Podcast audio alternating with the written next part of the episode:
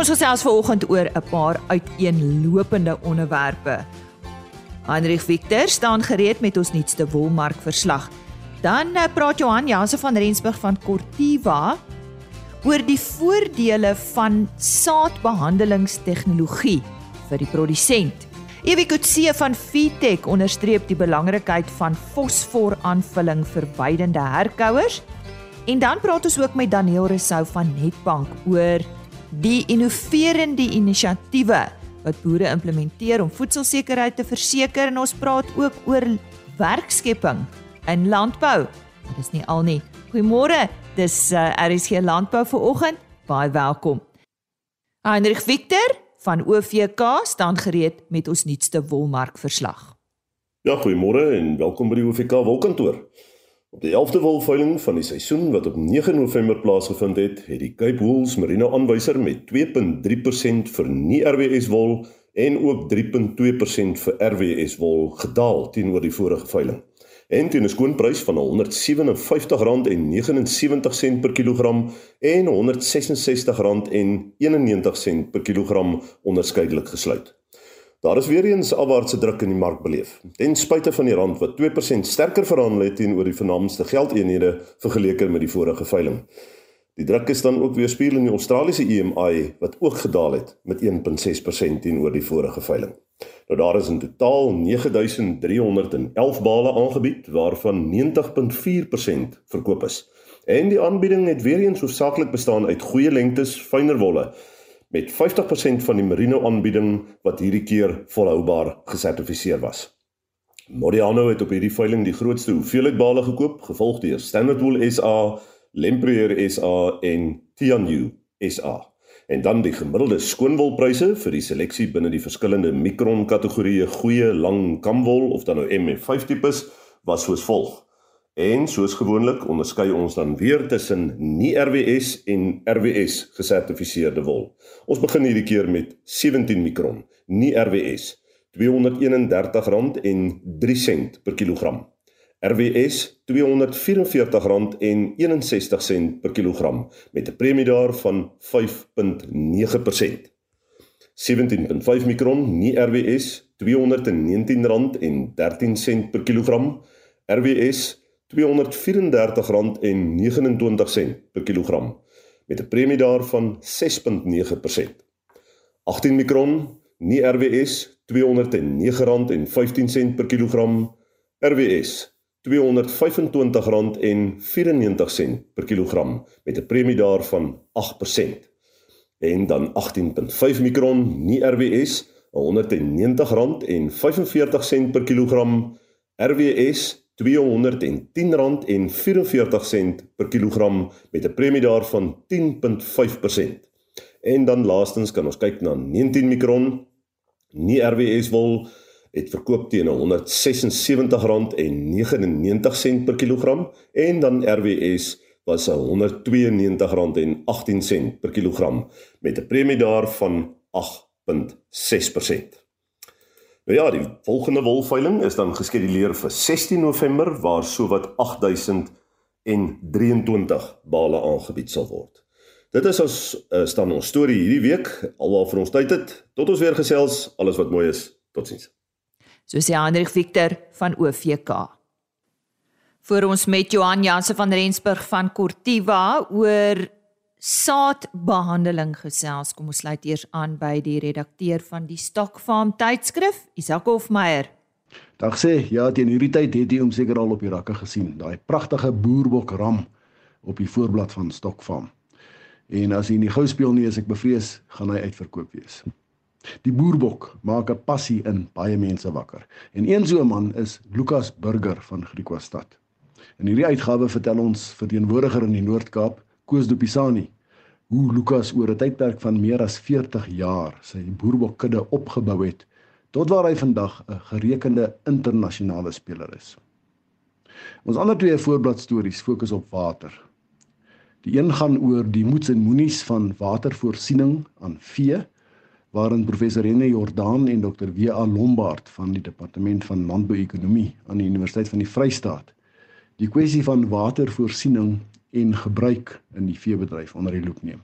Die agtergrond is die effek van klimaatsverandering en wat dit waarskynlik op die beskikbaarheid van water oor groot dele van die land gaan hê.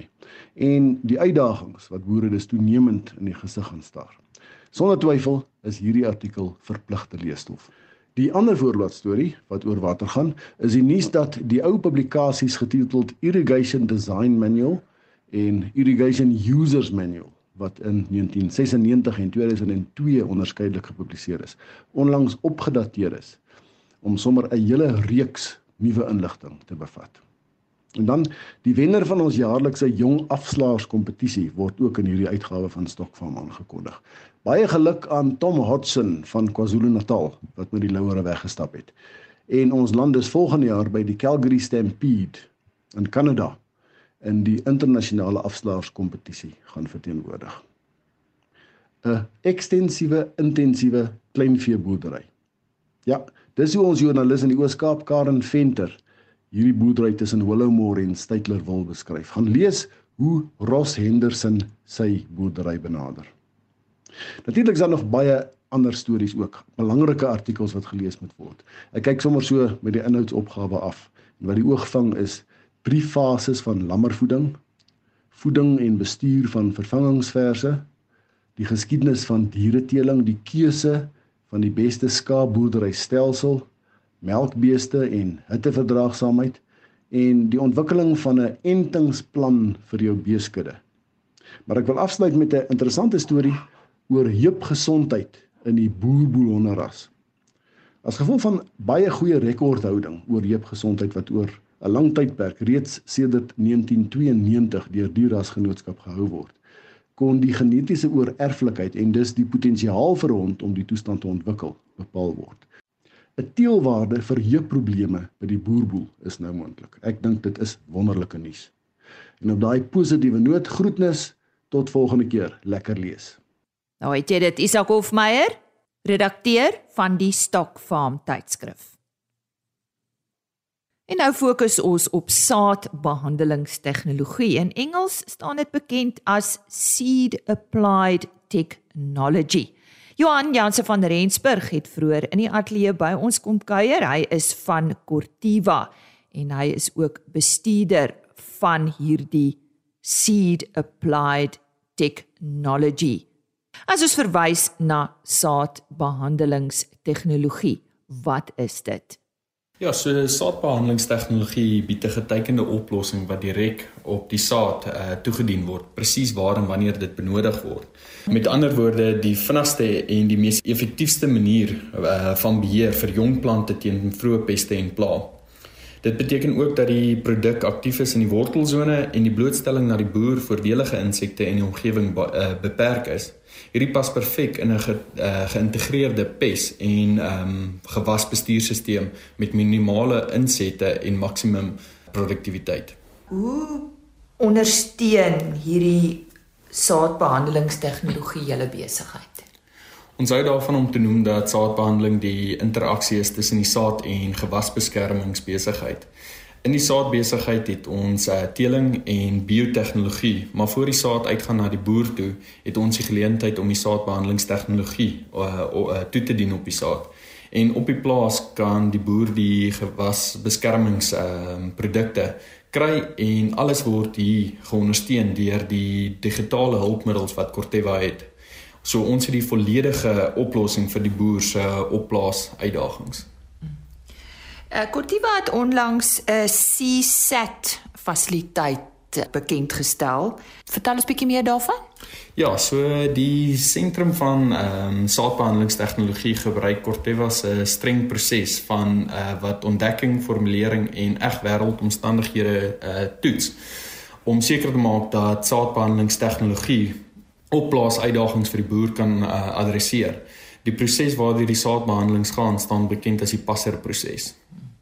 Voor ons nou by die passerproses kom, waar is hierdie fasiliteit? Die fasiliteit is in Pretoria, uh Roslyn, daar by ons hoofverwerkingsfabriek. Nou ja, toe. Nou kom ons kom terug by daai passerproses waarna jy verwys het. So die passerproses is 'n 6 uh, stap evaluasieproses waardeur die enige saadbehandeling moet gaan voordat dit gekommersialiseer ge kan word. So en as ons die passer proses afbreek vir al sy afkortings, so die P staan vir plantbaarheid waar ons kyk hoe die saadbehandelings op die saad plant en vir 'n boer gaan werk in sy planter. Die A staan vir applikasie waar ons kyk na die uh hoe die saadbehandelingstegnologie toegedien word op die saad, saadveiligheid om seker te maak ons affekteer nie die saad nie.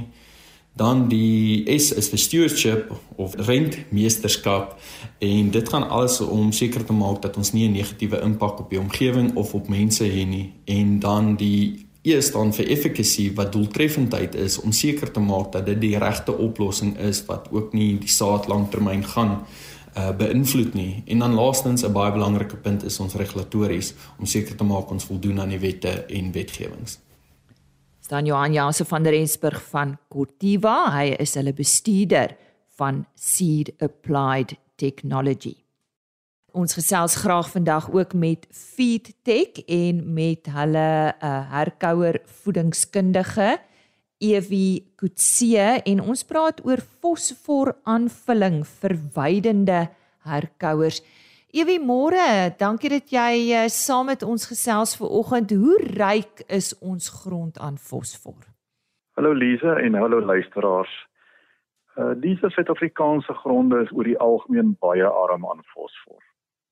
Daar word geskat dat meer as 90% van alle grond in ons land 'n tekort aan fosfor het en as gevolg daarvan het natuurlike veiding in Suid-Afrika dus ook lae vlakke van fosfor.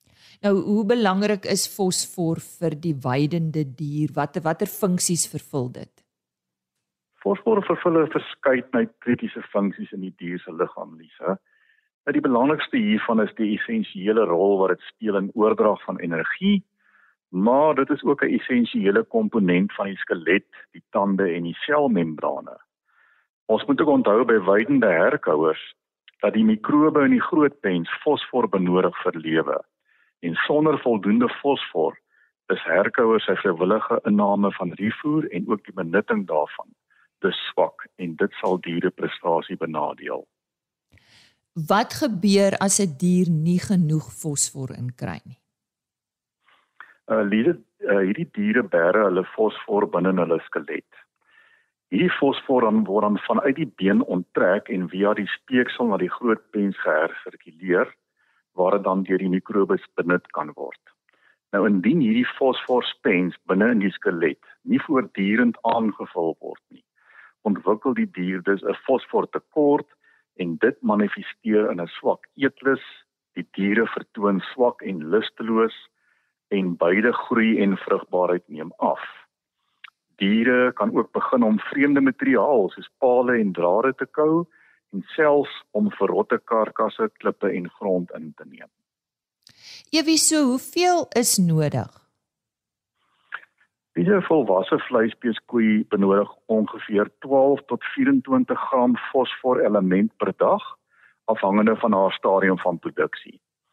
Indien die fosfor wat voorsien word deur die natuurlike weiding in ag geneem word, kan ons bereken dat 'n koei tussen 6 tot 12 gram aanvullende fosfor per dag benodig om aan haar behoeftes te voldoen.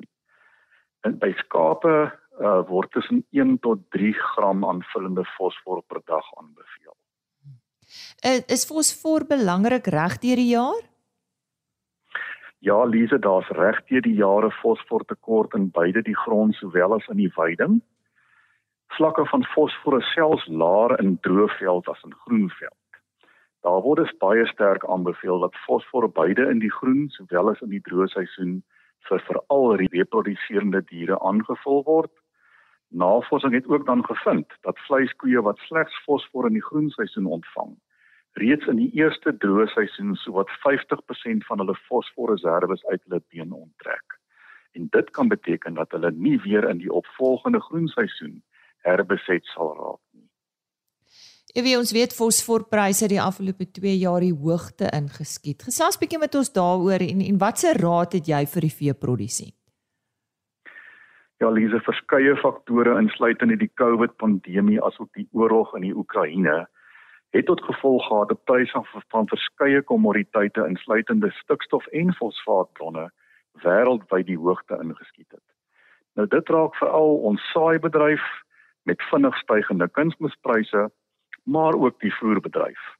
Die gevolg hiervan is skerp stygings in kostes van lekaanvullings wat hoë vlakke van stikstof en fosfaat bevat. Nou dit kos tans ongeveer R300 om vir 'n koei reg deur die jaar fosfor aan te vul en so wat R50 vir 'n ooi. Indien ons egter die kritiese rol van fosfor in die dier in ag neem, wat groei en vrugbaarheid direk nadelig kan beïnvloed as dit in 'n tekort is, is dit vir my duidelik dat 'n vroulike dier vir die boer dubbel en dwars sal terugbetaal vir die koste van aanvulling van hierdie element. Daar word bereken dat 'n boer tussen 2 tot 4 rand sal terugkry vir elke rand wat hy in fosfor aanvulling belê. Dit bly dus nie net een van die belangrikste nie, maar ook die beste beleggings wat 'n veeboer in sy teelkudde kan maak. Goeie raad vanaf Ewie Kutse, hy is 'n herkouer voedingkundige by Feedtech. Vir meer inligting, besoek gerus www.feedtech.co.za.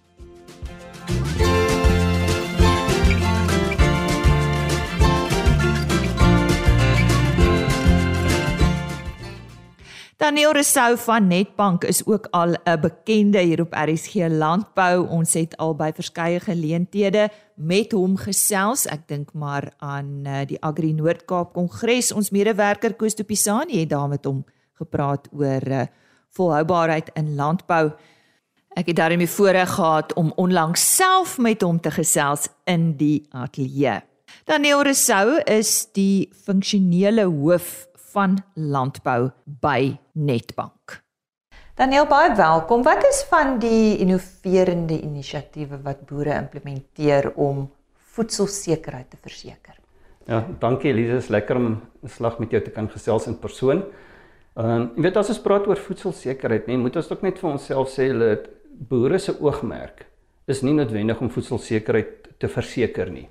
Boere wil wins maak. En dit is wat hulle dryf. Ehm um, so as ons praat dan oor voedselsekerheid, moet ons ook besef dat dit is dwars deur die hele waardeketting, lewer almal 'n bydrae tot voedselsekerheid. Maar as ons dan nou die gesprek bietjie meer voer na ons primêre produsente toe en wat hulle doen, ehm um, is dit dan ook belangrik om as ons nou genoem het rondom wins, dit um, hulle word gedryf deur wins, moet ons gaan kyk na hulle omgewing waarin hulle um, hulle besigheid doen. En dis hoogs riskante besigheid. Winsmarges is is baie klein Ehm um, en dit is juist dan wat boere moet anderster doen. Elke jaar moet hulle iets nuuts probeer, ehm um, nuwe tegnologie en so aan, juis om daai winsgewendheid te verseker en te verseker dat hulle volhoubaar kan boer. En dan as ons nou praat oor volhoubaarheid, dink ek is dit belangrik om te kyk na ons natuurlike hulpbronne. Dit is in die eerste plek, so as ons nou praat wat boere innoverend deesdae doen. Ehm um, is dit ook terug na om gaan kyk na die basiese aspekte. Met ander woorde, hoe benut ons ons natuurlike hulpbronne op die mees effektiewe manier. Daar praat ek oor grond en ek praat van water. Nou ons is um, ons het nie goeie potensiaal grond nie en ons het 'n watertekort eintlik as ons gaan kyk na wat dit wat beskikbaar is vir landbou. Nou as ek mos nou 'n sê ding wat vir ons sê dat reën is nie gelyk aan water nie. Mm. Ehm um, en weet omtrent um, as ek reg onthou is omtrent 98% van ons oppervlakwater is al reeds geallokeer En ons sit in Suid-Afrika met 'n uh, met 'n tendens dan wat ons kyk na verstedeliking. So al hoe meer mense trek stede toe. Ehm um, wat baie meer druk plaas op landbou, want landbou moet dan altyd afgee. Hy moet grond afgee en hy moet water afgee um, vir verstedeliking. So boere word gedwing om ten opsigte van daai twee baie meer effektief te wees. En dan aan die ander kant is dit dan ook tegnologie aan die prosesseringskant wat net so belangrik is. So as ek net gou vinnig kan praat dan oor die meer oor die natuurlike hulpbronne kant. Mm. Uh, herlewingslandbou sien ons al hoe meer na vore kom. Nou dis nie noodwendige innovasie nie, want dit word al baie toegepas vir baie lank al toegepas, jy weet in sekere provinsies. Ehm um, maar as 'n definitiewe druk ook van verbruikerskant af um, om meer herland herlewingslandbou praktyke te kan toepas. Ehm um, en dan natuurlik weet ehm um, geld dit ook vir water. Ehm um, om meer water slim te kan boer en uit 'n ekonomiese oogpunt uit te gaan kyk waarmee jy boer. Um, ons begin al hoe meer praat van wins per liter water gebruik. Ehm um, weet so dit is dan wat vir my ek dink aan die basiese kant, jy weet reg uitstaan. As jy nie daai goed kan doen nie, um, dan help dit nie jy innoveer op ander plekke nie. Jy moet jou natuurlike hulpbronne ten beste kan benut en dan tegnologie aan die uitsetkant. Ehm um, verbruikers voorkeure verander en verbruikers eise verander, veral rondom na speurbaarheid. So um, interessant. Ek was um, verlede week op 'n uh, in 'n kersiepakhuis, 'n nuwe kersiepakhuis in die Wes-Kaap. Ehm um, daar's kameras wat 'n kersie van 35 mm, 3.5 cm, 45 keer in binne 'n sekonde kan kom ons gebruik nou maar die um, die Engels kan kan scan. Ja. Ehm um, weet vir verskeie ehm um, kwaliteitsaspekte. Ehm um, en ek dink weet um, dit is daai tegnologie wat ons al hoe meer gaan sien. Ehm um, Behalwe vir daai inisiatiewe is ons landbou bekend vir werkskepping. Gesels met ons daaroor. Ja, en ek dink um, ek het net ou genoem van ehm um, weet boere produseer nie noodwendig om voedselsekerheid ehm um, daar te stel nie. Nou boere produseer ook nie noodwendig om werk te skep nie. Dit is ook 'n uitvloeisel van ehm um, van dit wat boere doen. En waantoe as ons gaan kyk na waantoe produksie op pad is byvoorbeeld dan nou in terme van nuwe gewasse en so aan. So wat ons in die laaste paar jaar gesien het, jy weet, is landbou is 'n baie baie groot bydraer tot tot werkskepping. Ehm um, ook daai vermenigvuldigde effek. Ehm um, jy weet vir elke permanente werker op 'n plaas is daar vier afhanklikes byvoorbeeld wat ehm um, wat ook dan voorsien word uit landbou uit. So ek dink um, die syfer is rondom 800 na 900 000 permanente werksgeleenthede binne in landbou. Nou wat ons in die laaste paar jaar gesien het is geweldige groot groei aan jou hoë potensiaal ehm um, gewasse Ehm um, hier dink ek aan weet um, uitvoerprodukte, langtermyngewasse wat baie meer intensief geboer word en wat vir ons meer werksgeleenthede skep. So dit is waar landbou nogal weet as ook weer eens as gevolg van die ekonomiese sy van van boerdery weet word gefokus op uitvoerbedrywe wat vir ons meer geleentheid gee vir werkskepping. Maar daar's 'n baie groot maar in hierdie ehm um, in hierdie gesprek. Ehm um, die meeste van ons arbeid is op hierdie stadium nog semi-geskoold na ongeskoold toe. En soos wat ons nuwe tegnologieë gaan sien, soos wat ons nuwe uh produksiepraktyke gaan sien, gaan daar definitiewe vraag wees na meer geskoolde arbeid toe. En ek dink dit is iets wat ons moet baie ernstig aan aandag gee. As ons kyk veral gaan kyk na die kwaliteit van ons landbou colleges wat baie agteruit gegaan het die laaste paar jaar. Jy weet, so my vraag is waar gaan daai geskoolde arbeid dan ehm um, jy weet vandaan kan kom? Ehm um, en soos ek sê, jy weet die die raamwerk moet geskep kan word dat ons boere winsgewend kan produseer en dan werk skep weet in um, in die proses. So ek dink daar's 'n groot vraagteken oor die hele waardeketting wat bydra moet lewer weet om werk binne die landbousektor te kan skep. En natuurlik al die vennote wat betrokke is. En as ek miskien net vinnig mag noem rondom die die landbou en agroprosesseringsmeesterplan, ehm um, wat ons nou die laaste paar maande nogal baie oor gesels het. Ehm um, wat juist ten doel het ook om addisionele werksgeleenthede te skep en daar word spesifiek gepraat van vennootskappe tussen al die rolspelers van regeringsvlak af tot die privaat sektor tot die primêre produsent wat moet in 'n sakkie Engelse woord mag gebruik wat moet kan commit en committed wees om daardie peesplan te kan werk en dan gaan ons baie meer werksgeleenthede kan skep binne in landbou. Kom ons gesels oor Netbank, julle uh, oplossings wat die ontwikkeling en aanvaarding van meer volhoubare landboupraktyke aanmoedig. Ja, Netbank is mos nou darem 'n groen bank. Ehm um, so volhoubaarheid is is vir ons baie belangrik. So wat ons nou gepraat het, weet ehm um, grensvolhoubaarheid, weet is vir my half die goue draad wat deur die hele gesprek moet loop. Ehm um, en Netbank het dan gaan kyk na weet hoe hoe kan ons betrokke wees? En ons het gekyk na die Verenigde Nasies se volhoubare ontwikkelingsdoelwitte, um SDGs in Engels, die Sustainable Development Goals, um wat ten doel het om 'n beter samelewing vir almal daar te stel. Um en die fokus is dan ook op volhoubaarheid en volhoubare benutting van hulpbronne byvoorbeeld en nuwe energie, weet meer groen energie en en so aan. So daar's al 17 van hulle waarvan Netbank as 'n bank aktief by 9 betrokke is.